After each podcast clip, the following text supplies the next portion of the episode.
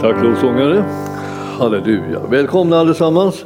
Det här är ju eh, härligt. Vi kan vara så spridda här så det är helt rent hälsosamt.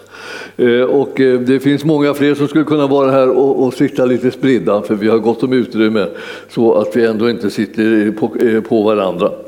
Eh, så eh, på söndag så är ni välkomna. Vi har också olika överflödsrum här som vi anordnar så att det går att sitta i andra rum om det skulle vara så att det blir för tätt här inne, vilket dröjer ganska länge för det är en stor sal. Så eh, ska vi ta och bedja tillsammans. Herre, Kom med din helige Ande och gör orden levande för oss så att det väcker tro i våra hjärtan. Vi behöver tro för att kunna ta emot allt det underbara som du har vunnit för vår räkning. Vi prisar dig Herre för det, att du har sådana underbara planer för oss, att det finns så mycket hjälp, så mycket utvägar, så mycket lösningar, så mycket kraft och upprättelse så att vi kan alla få långt utöver vad vi kan bedja eller tänka. Vi prisar dig för det Herre och vi bara proklamerar ditt herravälde och din makt då ska vara verksam bland oss den här kvällen. I Jesu namn. Amen. Ja, eh, vi ska, vi ska gå till Matteus och jag eh, var ju där i, eh, i söndags och bara tog och nämnde liksom den, en fjär, vers i fjärde kapitlet. Och det var versen 23 och 24. Och det här är det gör jag med tanke på att det här med helande tjänst, helande, Eh, och befrielse, upprättelse och sådana här saker. Det, det, är ju någonting som har gått i vågor liksom i, i, i kristenheten genom århundradena. Alltså att man har undervisat om det, att man har trott på det, att man har talat om det så här. Att man har praktiserat det, att man har tagit emot det överhuvudtaget. Alltså vissa tider har det varit så att det var inte att tänka på längre. Allting tog bara slut när apostlarna, sista apostlarna försvann. Men, men det, det, var, det var någonting som naturligtvis inte var sant.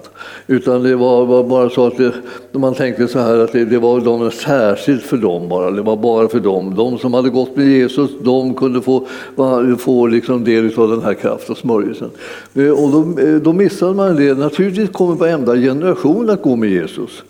Alla eh, som går tillsammans med Jesus har möjlighet att få kraft och smörjelse att göra Herrens väldiga gärningar. Så att vi är ju de som är kallade till det här också.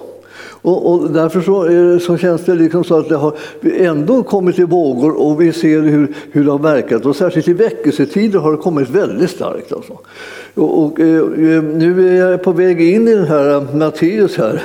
Och det är därför att det där, det där ordet som står här, det är ett sånt här ord som, som underströks särskilt av en jättestor och väldigt kraftfull helande tjänst som var verksam på 1900-talet. Alltså.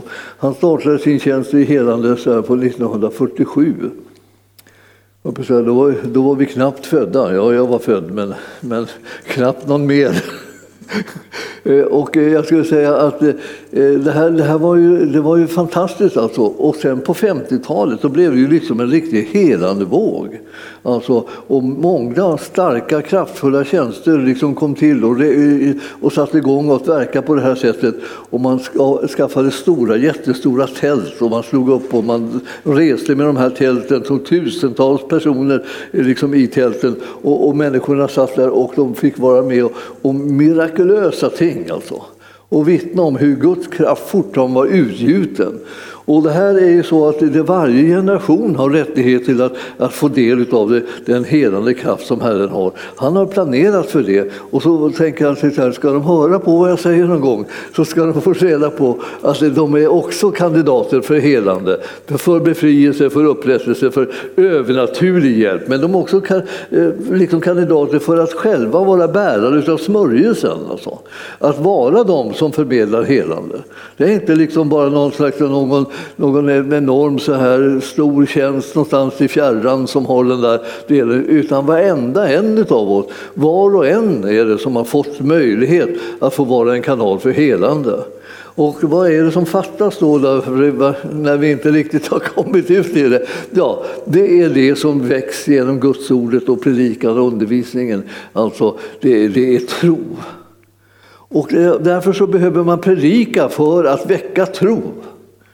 Det är inte så att vi ska predika bara och sen så ska vi liksom på något sätt känna efter om vi trodde. Utan, utan vi, ska, vi ska predika så att det väcks tro. Och därför så är det här liksom så fascinerande att se här i fjärde kapitlet i, i Matteus evangelium så står det vad Jesus gjorde för någonting. Och den här mannen som jag håller på att antyda nu att liksom han ska dyka upp och det var många kvinnor också som var, som var i helande tjänst. Men just den här mannen han, hade, han, han betonade tre punkter som, som han liksom levde efter. Att vad är det vi ska göra för någonting när vi är eh, Herrens sändebud? Jo, eh, vi ska undervisa, vi ska predika och vi ska bota sjuka. Det var de tre punkterna. Så det är det vad ni ska syssla med. Om ni undrar vad ni ska syssla med när ni ska få ut evangelium så är det här. Alltså. Det är inte, går inte an att du bara väljer ut en favoritdel.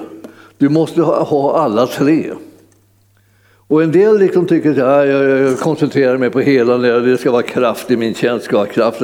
Det blir ingen kraft någonstans i din tjänst om du inte sätter igång och undervisar Guds ord, om du inte sätter igång och predikar Guds ord så väcker tro. Då först kommer det kunna komma människor som möter ordet, som tror på det och därmed också blir mottagare av den helande kraften och smörjelsen. Så vi är här för att väcka tro i det här landet. Kan ni förstå vilket, liksom, vilket behov det finns i det här landet för att det ska bli tro? Alltså, det är ju nästan som man, man, man baxnar liksom över, eh, över att, det, att, det är så, att det är så ont om tro. Och, det, och, och så tänker man, vad, vad, är det med dem? Vad är det med dem? Ja, vad är det med oss då? Säga, som, som tydligen inte predikar så, så att det väcker tro. Då. Vi måste ju predika så att tron väcks. Och det här, Herren siktar liksom på varje åhörare, liksom, oss som sitter här och de som sitter där. Och, och det, hela tiden så handlar det om att, att tro ska väckas. Tro på att Herren kan göra precis allt det som han har lovat att han ska göra. Och nu gjorde Jesus så här och gör det än idag, precis samma saker. Jesus står det här i vers 23 då, i fjärde kapitlet i Matteus. Jesus han vandrade omkring i hela Galileen och undervisade deras synagogor och predikade evangeliet om riket och botade alla slags sjukdomar och krämpor bland folket. Och ryktet om honom gick ut över hela Syrien och man förde till honom alla som led av olika slags sjukdomar och plågor och besatta och månadssjuka och lama och han botade dem. Alltså vart det en sån väldig tro när han hade gått omkring där så att det ryktet om hans förkunnelse så att säga gick ut och folk bar de sjuka till honom och han botade dem. Det kunde vara vilka åkommor som helst, små eller stora. Det skulle kunna vara sådana här saker som vi skulle, skulle önska att, att åh, tänk om man kunde komma liksom och lösa folket ifrån all denna fruktan för, för liksom, eh, virus. Här. Så då skulle ju människor kunna känna att de kan ta, ta emot liksom, det som han vill ge, nämligen helande och befrielse från sådana här typer av attacker, sjukdomsattacker som epidemier av olika slag. Ja, det, här, det här är ju sånt där som vi behöver veta nu plötsligt. Då, då. Och man kan säga då Eh, vi var inte beredda på att det skulle komma plötsligt. Det kom ju plötsligt. Va? Och plötsligt så är vi i det läget och nu går alla omkring och hukar liksom och är rädda för det här. Och, och, och, och vad, vad, vad, ska vi ta oss till? Vi måste lyssna på de här undervisande orden som kommer från Gudsordet. Vi måste lyssna till förkunnelsen som kommer om Jesus och vem han är och vad han har gjort. Och så måste vi ta emot i tro det helande som Herren har, har utverkat för vår räkning. Det är redan givet, det är redan där. Det det är vårt alltså. Och det är bara det, vi kan inte tro det. Men, men man kan säga att det är väldigt mycket vad vi tror på allt möjligt annat.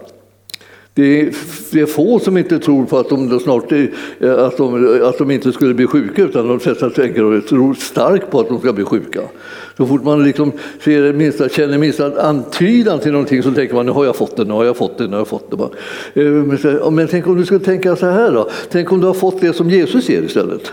Tänk om du har fått helande och hälsa. Tänk om du har fått frihet istället för, för att du har blivit upprättad. Och, och, och, tänk om du, är det du som är älskad och är det du som är fri. Och tänk, tänk om det är det som, är, liksom, det, är det som du tror på så frenetiskt. Om du trodde på det frenetiskt skulle du kunna komma ut i en frihet och en glädje och en hälsa som, som är verkligen har Herren planerat för vår räkning. Han vill oss väl. Alltså. Och jag tänker så, oh, oh, tänk, om vi kunde, tänk om vi kunde lita på honom liksom, lite mer så här. Och vi får, vad ska vi starta? Ja, vi kan starta med att undervisa, predika och bota. Undervisa, predika och bota, det är liksom det ordningen går, ordningen där. Så inte bara så här, ja, vad, vad vill du ha? Jag vill, ha, jag vill, att jag, jag vill bli botad. Ja, men vänta, ska jag då behöver du lust, lyssna till lite undervisning och sen behöver du lyssna till, till predikningar som väcker tro. Och sen när, har, när de har fått väcka tro i ditt inre, då kan du ta emot det som Herren har gjort för dig, nämligen helandet, eh, läkedomen som du behöver. Herren är här för att bota de sjuka. Men det går inte utan att det finns en mottagare i en sjuk också, behöver tro honom om det. Jag, kan, jag, kan inte, jag skulle vilja säga att tänk om man kunde bara liksom spraya in liksom lite, lite tro i folk istället. Är det någon som saknar tro? Nu är man rädd liksom att oh, det kanske kommer någon droppe här någonstans och, liksom, och då blir jag genast sjuk. Det är man övertygad om. Men tänk om det kommer någonting från Herren som du genast blir frisk av. Att ett, ett ord från Gud som väcker tro. Va? Vilken underbart! Och, och, han som talar sanning, han som inte kan ljuga, va? han har sagt att det. Att om ni, om, ni, om ni tror så ska ni få se att det Herrens gärningar blir gjorda också bland er. För er, genom er, till andra människor. Han, han, är, han är beredd på det, om det bara... Fan, ska jag någonting? Jesus säger, om jag kommer tillbaka, kommer jag hitta någon tro någonstans? Eller kommer det vara fullkomlig ödemark? Liksom? Ingen tror på någonting gott, alla tror på allt ont. Ja, men vi förstår att det, vi behöver lyssna åt rätt håll. Om vi inte lyssnar på honom, som talar sanning, ja, då, då står vi där som offer för alla lögner som, som liksom brakar fram och alla, alla gärningar som mörkret åstadkommer för att vi ska bli offer för dem. Jag tänkte, det måste vara oerhört gynnsamt. Jag tänker ibland, hur gynnsamt kan det inte vara att just vara djävulen i dessa tider? Vi tror blind på vad han hittar på. Vad helst han eh, liksom talar om och vad helst han liksom eh, hotar med, det, det tror vi. Och han som talar sanning, ja, det kan vi inte tro, det kan inte vara sant. Det låter för bra. Men Herren är den som väcker tro genom sitt sanna ord. Och därför ska vi bara älska Herrens ord, älska det, läsa det och, och, liksom, och studera det. Och lyssna till undervisningen om det, ta, höra på predikningarna och veta att alltså, det är genom ordets predikan som, som vi får tro. Och jag, jag tänker att det är ju sådana där eh, bibelställen som man liksom egentligen känner att det, är, är det är det verkligen möjligt alltså, att vi, vi ska kunna leva ett liv här på jorden och vinna seger om vi inte har vunnit, eh, liksom funnit, funnit den tro som Herren vill väcka i våra hjärtan? Vi måste ju få tag i den tron. Tron kommer av predikan och predikan i kraft av Kristi ord, säger det. Alltså det finns inte så, det är ingen hemlighet. Jesus har inte, har inte liksom gömt den här, den här effekten. Hur ska man kunna få tro? Ja, hur ska man kunna tro? Ja, det är så jätte, jag kämpar, jag kämpar. Det står inte alls att du ska göra så. Tron kommer av predikan och predikan i kraft av Kristi ord. Därför att Kristi ord är någonting som du lyssnar till. Och då kommer tron på, på det här, som predikandet av Kristi ord, att väcka tro. Så efter sig tänker jag, jag är en troende. Ja, jag tror och litar på Guds ord och Guds ords sanning. Ingen kan ta ifrån mig hans löften och det som han har talat. Ingen kan besjäla mig liksom från det här som jag, som jag har fått utlovat. Allt det som han har lovat, det kommer att gå i fullbordan. Alla Guds löften, så många de är, kommer få sitt ja och sitt amen genom Jesus Kristus. Så ligger det till. Ja. Ja, och ja, nu skriker jag lite, men det är därför att jag tycker, tycker att det är värt att skrika ut lite sanningar också, liksom inte bara gapa om allting annat. Så här, eh, här står det så här, och vi som är rättfärdiga, vi som är frälsta, vi som, vi som har mött Herren och så. Vi ska, vi ska förstå att vi, det här evangelium som vi har fått, det, det, det, är en Guds kraft som frälser var och en som tror. Först och främst juden och sedan greken. Och rättfärdigheten från Gud den uppenbaras i, i evangelium, av tro till tro. Som det står skrivet, den rättfärdige ska leva av tro. Det vill säga man ska inte bara börja genom att säga, det ska inte bara starta med tro, utan det ska fortsätta med att man lever ett liv i tro. Och genom tro tar du och jag emot det som är det livet som Herren har utlovat. Genom tro kommer den sanning som han har talat om liksom få fäste in i våra hjärtan. Våra hjärtan är som byggda för att ta emot tro från Gud, tro från Gudsordet. Det alltså, det, han, har, han har tänkt att kommunicera med dig och mig genom vårt hjärtas inställning. Vårt hjärtas inställning hungrar efter att få höra trons ord så att vi får en levande mottagning på, på insidan. Och det blir någon skillnad liksom i livet. Jag känner ibland så att jag var, ja, det, det det, det, är härligt med, med det här med, med tro. Alltså.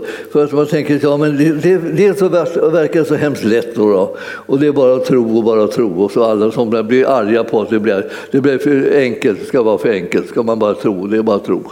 Och här har man försökt att tro och försökt att tro och så, blir, och så, är, så har det blivit någonting. Vad är det här för någonting? Så, ja, det här, det här är underbart alltså, skulle jag vilja säga.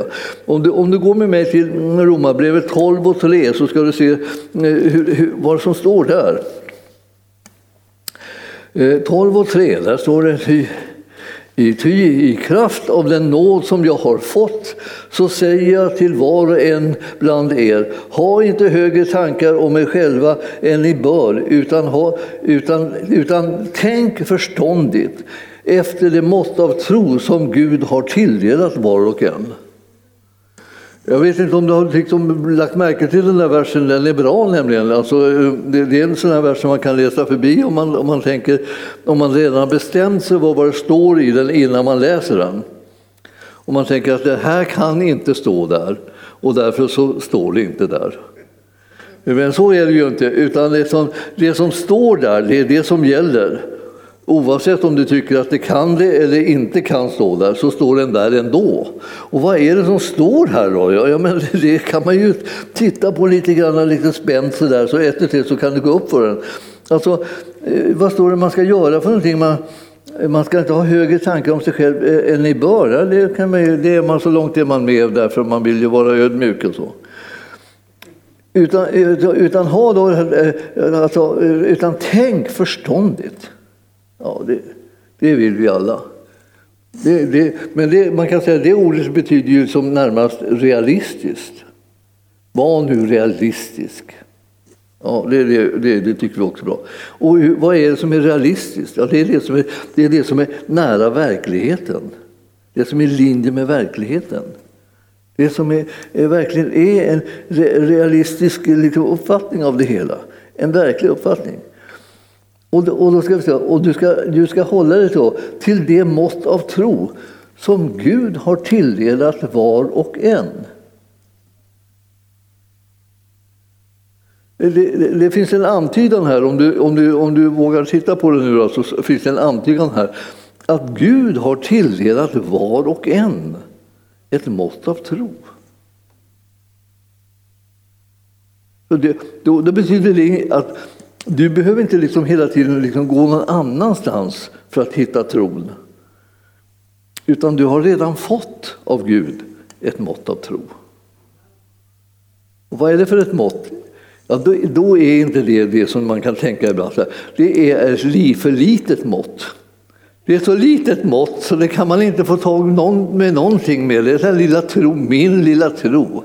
Alltså man tänker det lilla ljus jag har, det ska få lysa klart men man vet ju att det lyser ju inte längre än så där långt ungefär.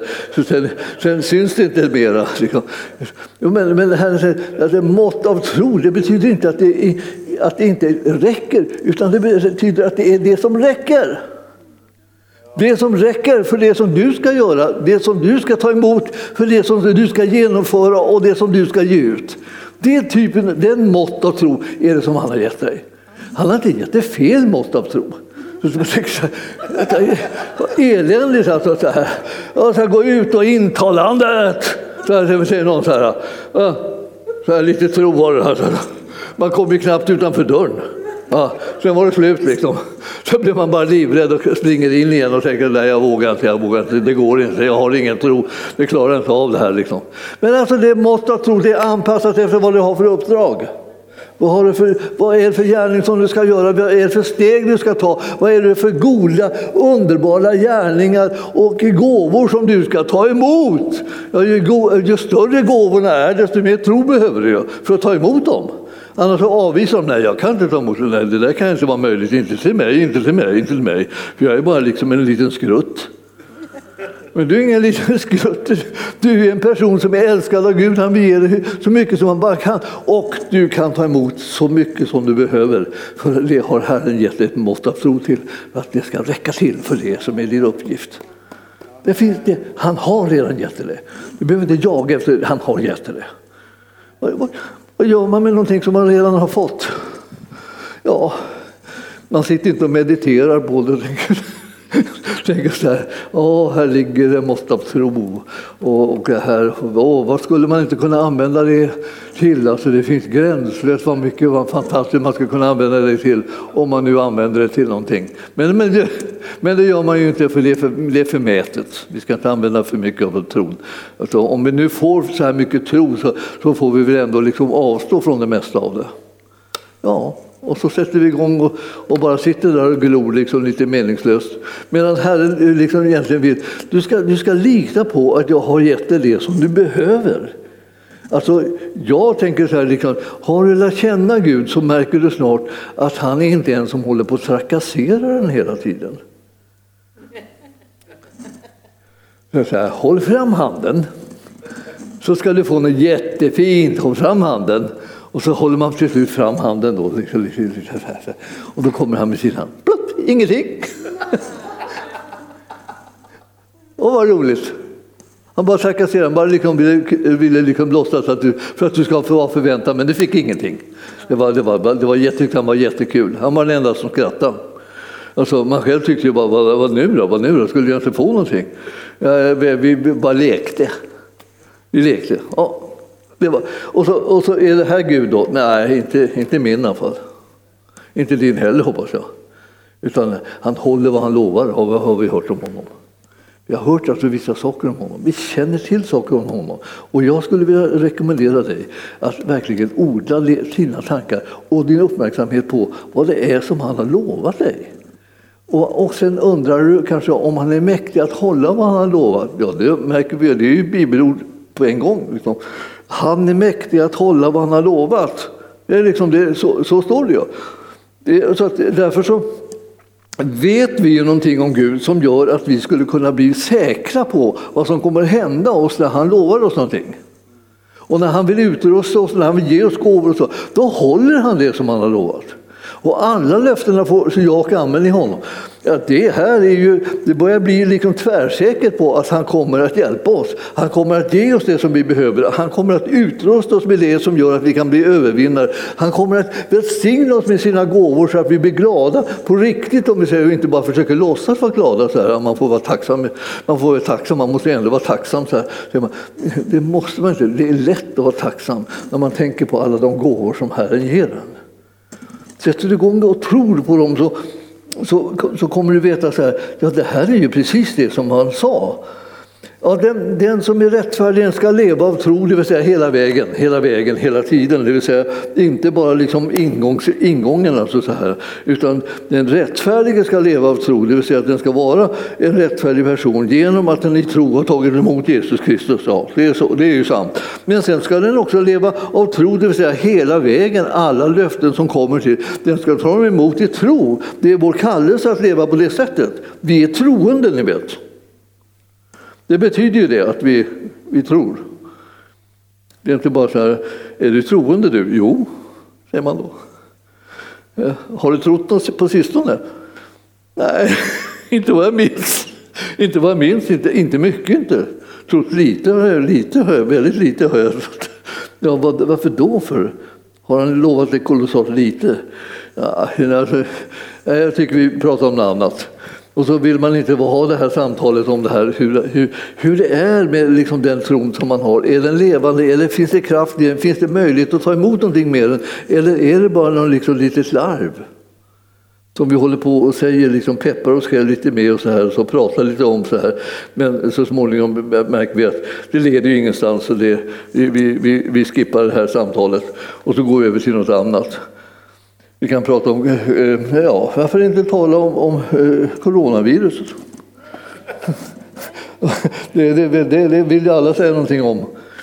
Men du och jag, vi, vi har ju ett mycket bättre budskap än det.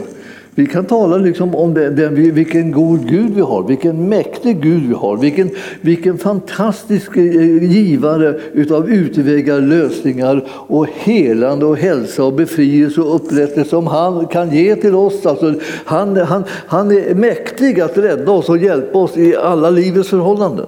Det är sånt där skulle vi kunna prata om och om vi håller på ett tag så blir vi riktigt glada och sen blir vi liksom, liksom nästan trosvissa och sen rycker vi till oss allt det han lovar och tar honom på orden och så blir vi plötsligt välsignade av det som är sanningen som han har gjort oss delaktiga utav. Det här, jag känner ibland så här, va? det är det här är det här liksom, är det fantastiskt eller fantastiskt? Det är precis vad det är. Alltså. Om vi ska titta på Galaterbrevet 3 och 11, jag funderar på vad, vad det står där. Alltså. Galaterbrevet 3 och 11. Ja, eh, ja, det står ju någonting som vi redan har hört faktiskt. Ingen förklaras rättfärdig inför Gud genom lagen. Det är ju uppenbart eftersom den rättfärdige ska leva av tro. Du är en rättfärdig person, du som har tagit emot Jesus. Du ska leva av tro. Det vill säga, det är tron som gör att du kan leva. Det livet som du ska leva, det ska du leva på grund av att du tror. Inte på grund av att du försöker tro, utan att du tror.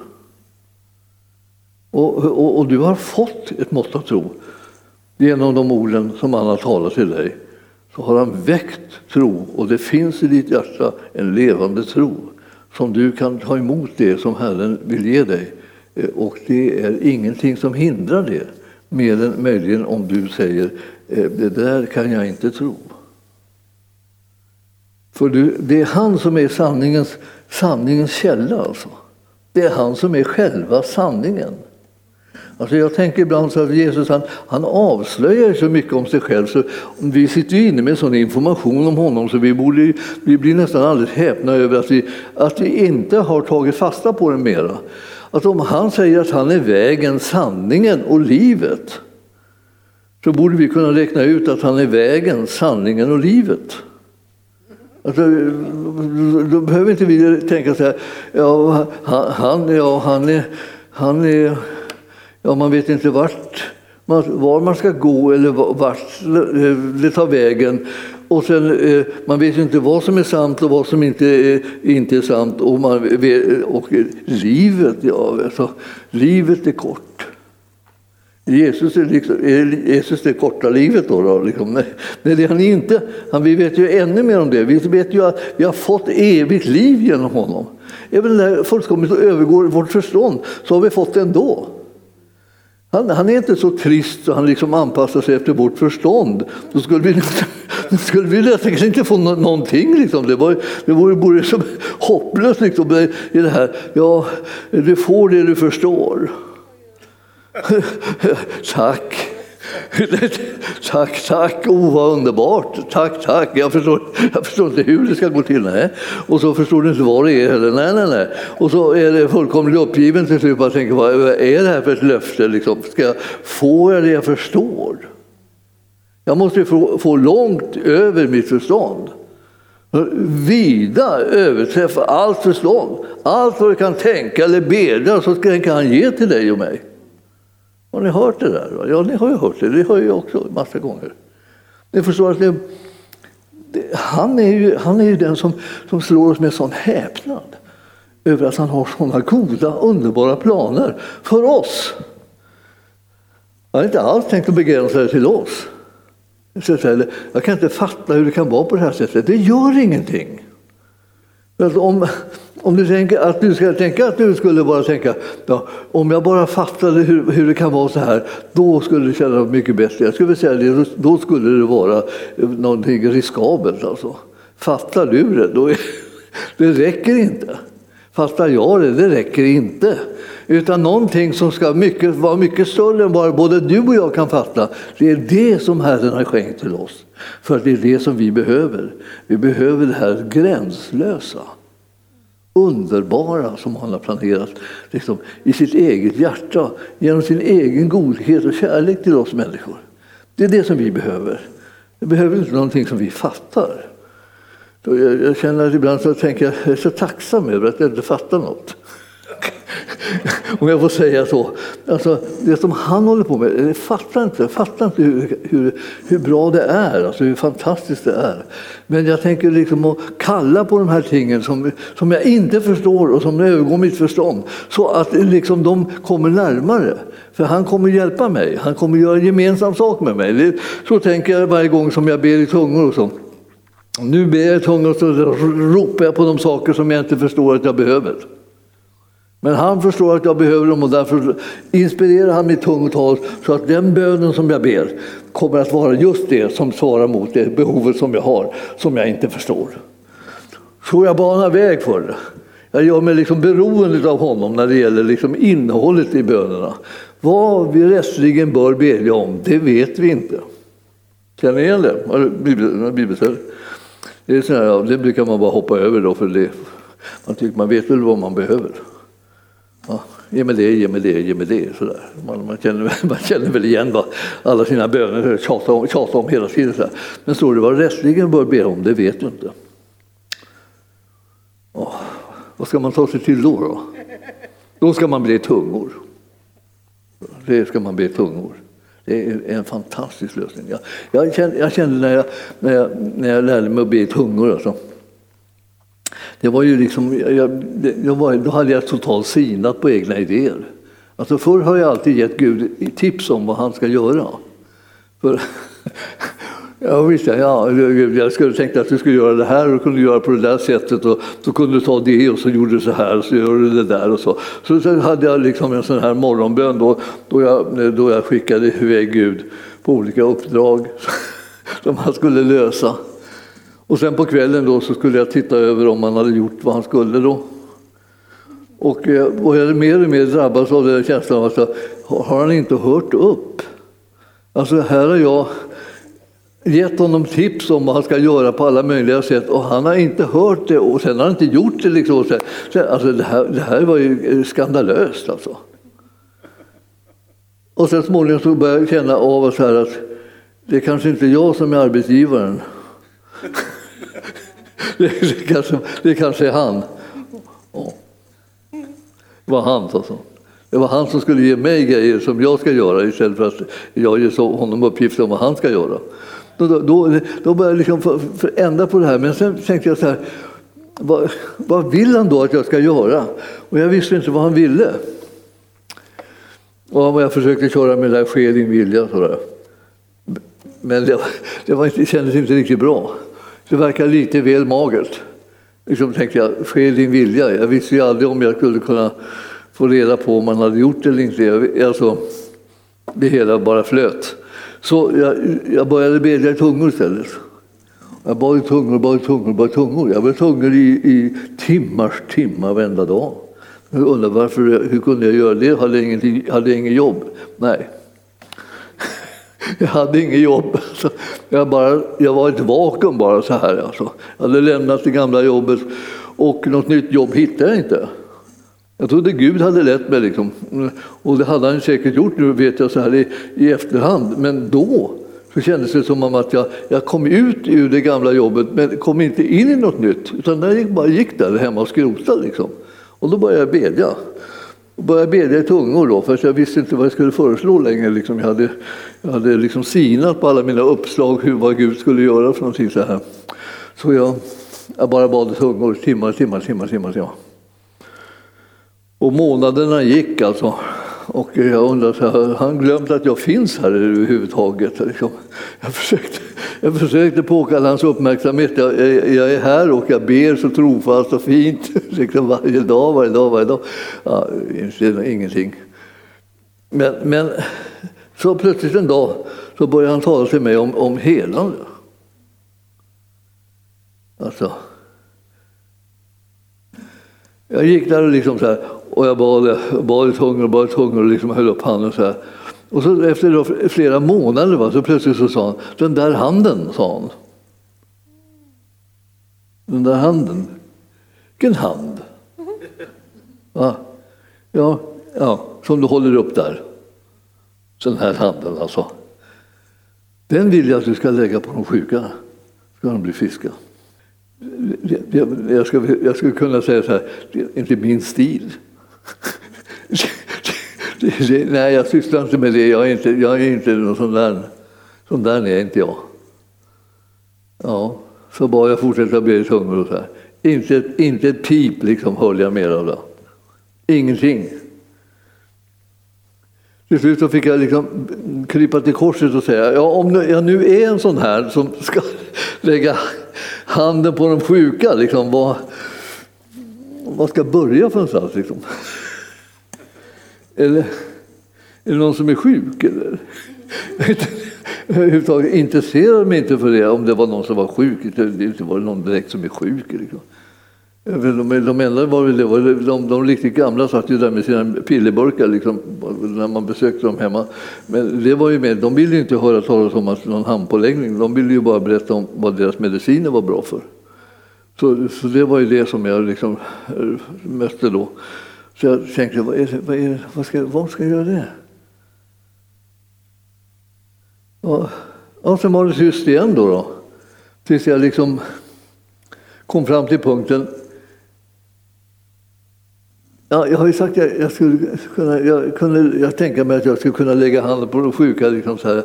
Eh, och jag hade frågat vilka sjuka. Och så, säga, så fick jag erkänna vilka som helst som du leder mig till. Kan jag lägga mina händer på. Ja, vilka som helst. Alltså. Och då, då, då började liksom ett äventyrligt liv där jag skulle lägga händerna på vilka som helst som var sjuka. Så jag började liksom leta efter sjuka, liksom, titta så här, som om det var någon, någon som var sjuk. Så verkade lite risig eller lite hängig eller lite orolig eller någonting, någonting, någonting sådär. Och så, och så, eh, så försökte jag nalkas dem på något naturligt sätt och säga att, att eh, skulle du vilja ha lite förbön med handpåläggning? Hemskt gärna, så började de säga. Hemskt gärna, sa de då. Då fick jag liksom plötsligt kamp, då fick jag ansvar för alltihopa också, hur det skulle gå nu. Skulle de bli friska eller skulle de fortsätta vara sjuka? Liksom det hela var ju vågat liksom, på något vis. Eh, jag kände att jag ville säga, jag, jag, jag lovar ingenting, men jag, men, jag men jag kan be. Alltså jag var så feg så det var inte klokt. Men allt det här liksom, var ett steg, små steg, små steg, små steg närmare in i det här som hade med hela, helandetjänsten att göra. Nu, eh, nu är det ju så där, det blir ju lite annorlunda efterhand med åren. Så där. Man märker att, att eh, när ju fler människor som man har runt omkring sig som ber för sjuka, desto mindre behöver man be för sjuka själv. Liksom så.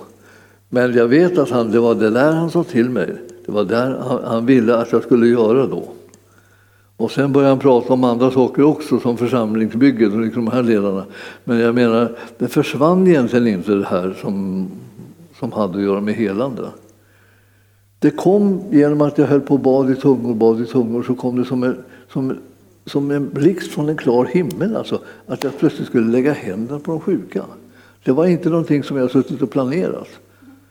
Men efterhand som man, eh, jag började märka, då började jag undersöka det här, vilket jag måste läsa. Fanns det folk sådana som gjorde sånt idag? För jag levde i ett sammanhang där man knappt gjorde det.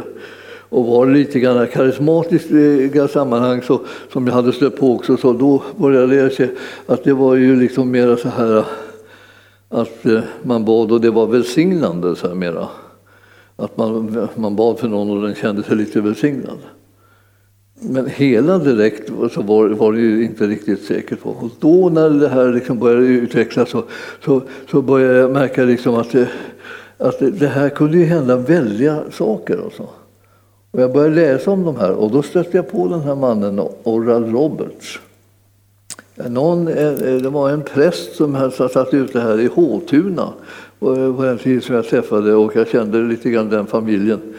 Och, barnen i den familjen gick som konfirmander hos mig också. Och jag, jag, jag lärde känna Och han sa, du verkar ju vara lite sådär så skulle vara intresserad av att läsa sådana här böcker, sa han. Och så gav han mig liksom en bok, liksom en liten bok om Mora Roberts liv. Och jag visste inte vem det var överhuvudtaget. Liksom. Jag var inte, jag var inte in, inne på det där området utan jag var liksom kyrklig. Ja, lite karismatisk var jag ju därför att jag bad i tungor och så, men det var, det var, inte, det var där ungefär det stannade. Och då, då läste jag, började läsa den här boken. Alltså mannen blev liksom mirakulöst helad. Då. Och sedan så, blev, så satte hans tjänst igång. Liksom, eh, att han skulle gå och, och, lägga händerna på de sjuka. Och han, var, han, var en, han, var en sån, han, han fick en sån våldsamt uppsving liksom, eh, eh, i, i den här tjänsten. Alltså att han, han, han, satt, han sa att han hade säkert lagt händerna på en och en halv miljon människor som har kommit alltså, blivit, som blivit mirakulöst helade. Han hade såna enorma tältkampanjer med tiotusentals människor som var samlade i tältet. De höll på på det här sättet då, då, och reste från den ena eh, trakten till den andra och ställde upp de här tälten och sedan så kom det knöka fullt med folk och alla liksom behövde helande i långa banor. De kom körande dit med dem på lastflak och, liksom, och i bilarna och, och bar dem dit. Och där var liksom rena rama, liksom, det var som en Jesusmöte liksom, i, i, i Galileen eller någonting. Liksom, det var bara strömma dit folk bara för att bli helade. Och, eh, eh, och, och, han kände att han höll på jättelänge med det här. Han hade en fantastisk tro för, för att Herren också skulle vara ekonomisk, så att säga. Den, den ekonomiska kraften bakom hela, hela arbetet.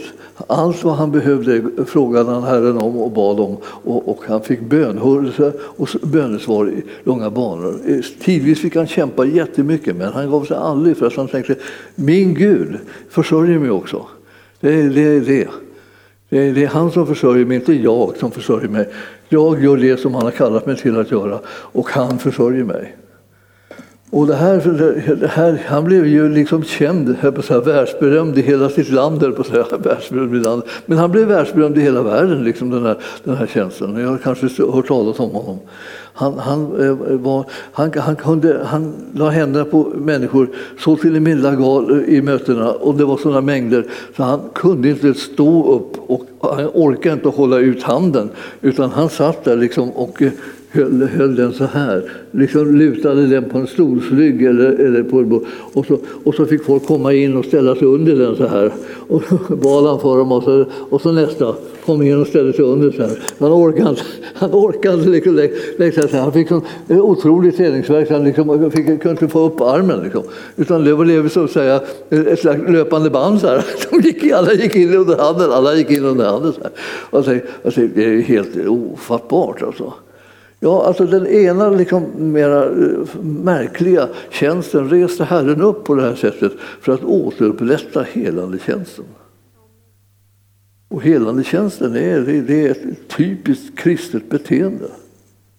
Alltså, vi predikar evangelium. Vi undervisar i Guds ordet och vi botar de sjuka. Det är, alltså, det, det är vårt uppdrag. Det är det grundläggande uppdraget. Det här är Jesu exempel som du och jag som troende eh, är kallade att liksom praktisera. Och vi, det är inte bara praktiserat det på, så att säga, på, för att man vill det, utan man, man, man praktiserar det eh, så, så, som det är gjort, nämligen att man tar till sig undervisning, lyssnar på predikningar som väcker tro och sedan så eh, sträcker man sig ut för att bota andra. Man tar emot helande för egen räkning också. Det här, det, här, det, här, är, det här är kraftfullt och, och, och starkt. För att det, det, kan göras på så många sätt som är också fel. Det är många som har kommit ut i missionen som har kommit alldeles fel. Alltså. De, de råkar ut för så mycket onda andar och så mycket sjukdomar och grejer som de inte hade en aning om vad de ska göra med dem när de väl stöter på dem. Därför att de har inte lärt sig att de ska bota de sjuka genom handpåläggning och tro. De har inte lärt sig att de ska kasta ut onda andar, att de flyttar på sig om man säger åt dem. Eller så. Eh, utan, utan de bara blir liksom totalt övermannade av de krafter som de möter och till slut så får de bara packa sina grejer och åka hem. Därför det hela blev alldeles förskräckligt. Alltså. De fick en konfrontation med mörkret som de hade aldrig en aning om. Men vi håller på att lära oss genom att läsa skriften, alltså, där sanningen finns avslöjad. Där håller vi på att lära oss liksom hur man ska förhålla sig liksom till det här med sjukdomar och mörker och, och onda makter och så här. Och vi har fått auktoritet och makt att omintetgöra djävulens gärningar. Och det behövs det tro till det också förstås. Om, om du då lägger händerna på de sjuka, då ska de bli friska har vi lärt oss. Ja, det är ju så det är. Och när är det så? Alltid är det så. Alltid är det så.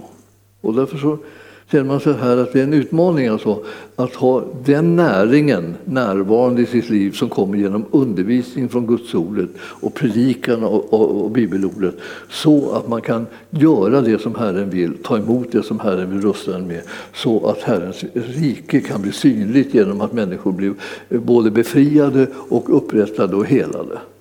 Allt det här liksom lyser på att Guds riket är här. Folk blir chockade när de blir helade. Vi hör ju det när ungdomarna vittnar, de som har varit ute på gatorna vittnar om vad, vad som har hänt. Alltså, då, då, då, är det någon som, är, någon som inte tror egentligen på helande, som, men de som gör det tror på helande.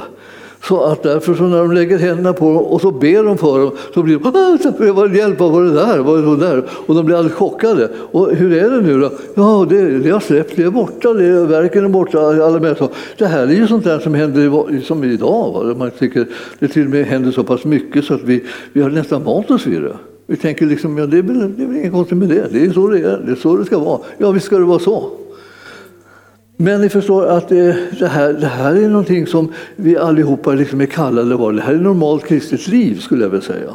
Det här är inte det, här är inte det främmande kristna livet, det här över, fantastiskt, liksom, det är någon gång gå omkring med heliga händer. Så här, liksom och så. Utan, utan det här är en vanlig, vanlig kristen. Alltså.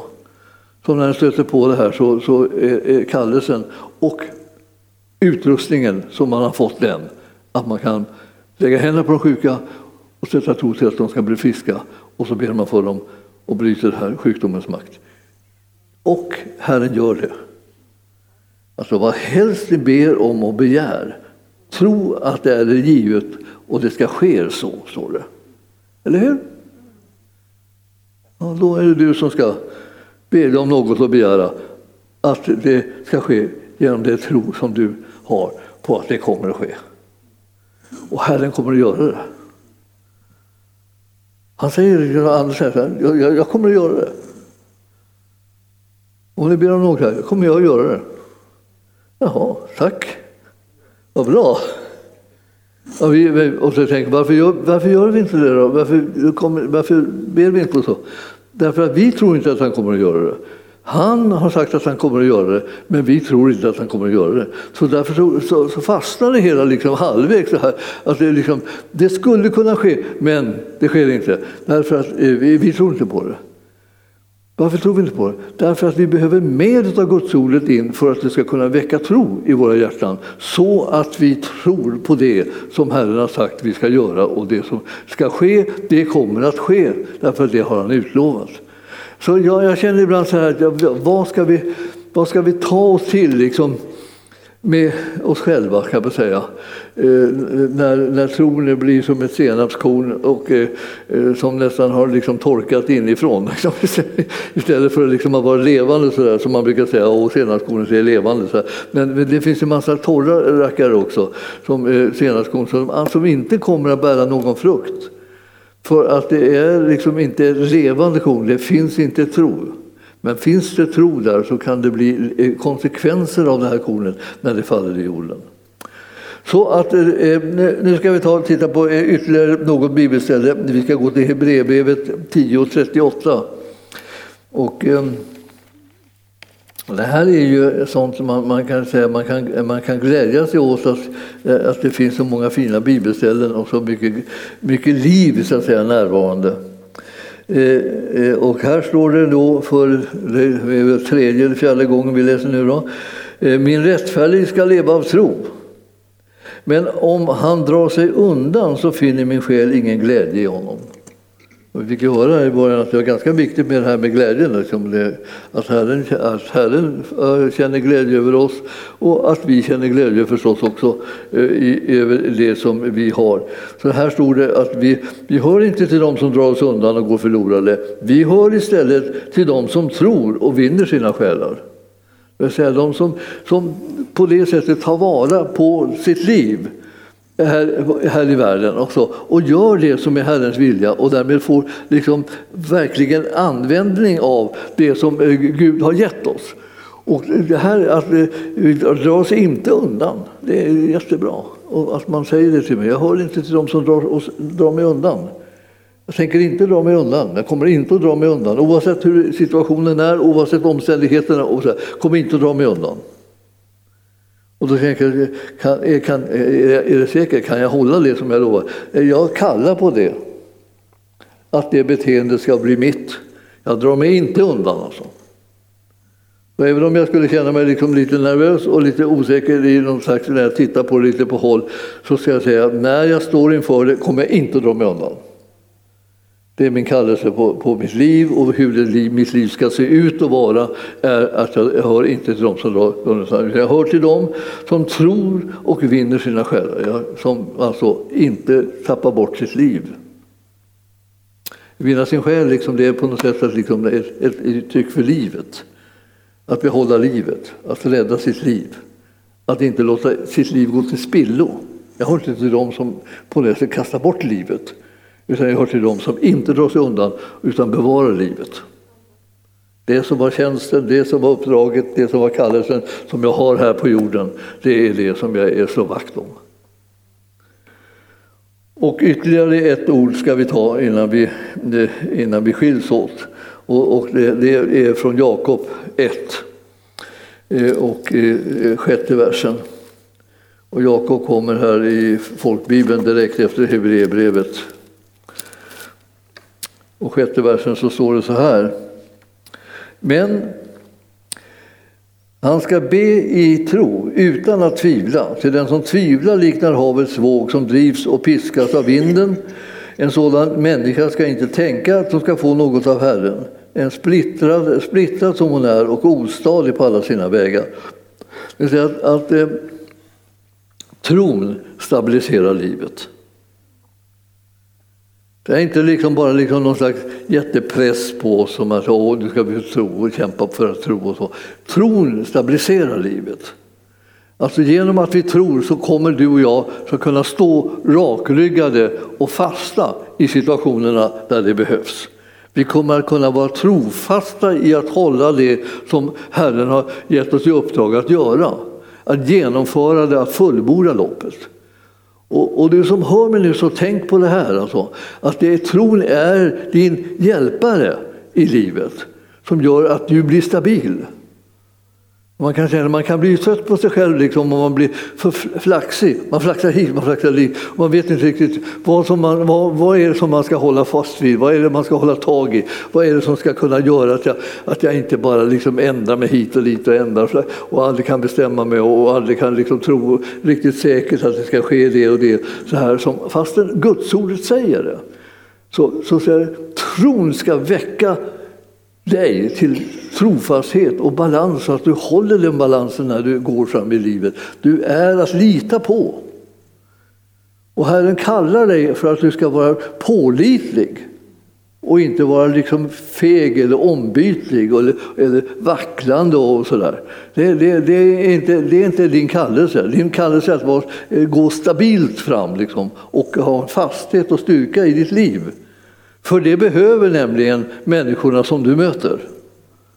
Att du är att lita på. Det finns så mycket erfarenheter av att, att, att människor sviker varandra ger upp, liksom, ombytliga, ändrar sig och, och liksom struntar i löften som de ger och, och allt möjligt så här. Man blir, liksom, man blir osäker och, och förtvivlad och, och, och, rädd i alla möjliga situationer därför att det finns ingen att lita på. Vem i all världen ska man lita på, kan man fråga. Jo, man ska lita på den troende, för den troende kan ha fått en stabilitet i livet som gör att den håller vad den har lovat och den går på den vägen som Herren har anvisat. Och därför så finns det eh, styrka i hela, hela vandringen. Och går man tillsammans med den, då får man, då får man kraft av den andres styrka också och trofasthet mot Herren. Så det där ska vi liksom dela med oss till människor så att de eh, har möjlighet att känna att det här kommer att hålla.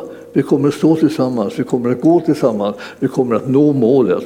Vi kommer inte att eh, liksom tappa bort tron utan vi kommer att hålla trofast kvar vid det som vi har lovat och det som Herren har utverkat för oss.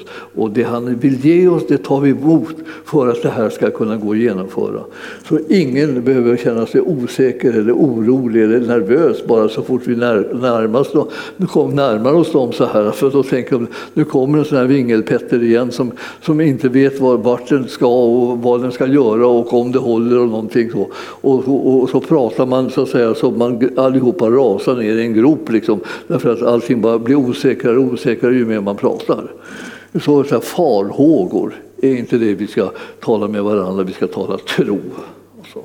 och eh, då, eh, då kan det bli frukt av det. Och det, det är det som jag känner att det, det här är, vi får lite grann aning om det. Så när vi ber våra böner i tro, då blir, får vi bönhörelse, precis som Herren lovade. Och ingenting av det som han har utlovat kommer att utebli. Tack himmelske Fader för ditt ord. Vi ber att det ska falla i god jord i våra hjärtan och vi ber att vi ska kunna vara de som förvaltar det här pundet som vi har fått av dig så att eh, eh, tron blir levande och verksam och genomför och fullbordar det som du är utsänd till. Tack för att vi får vara beroende av din sanning och ditt levande ord. I Jesu namn och församlingen sa Halleluja. Tack Jesus.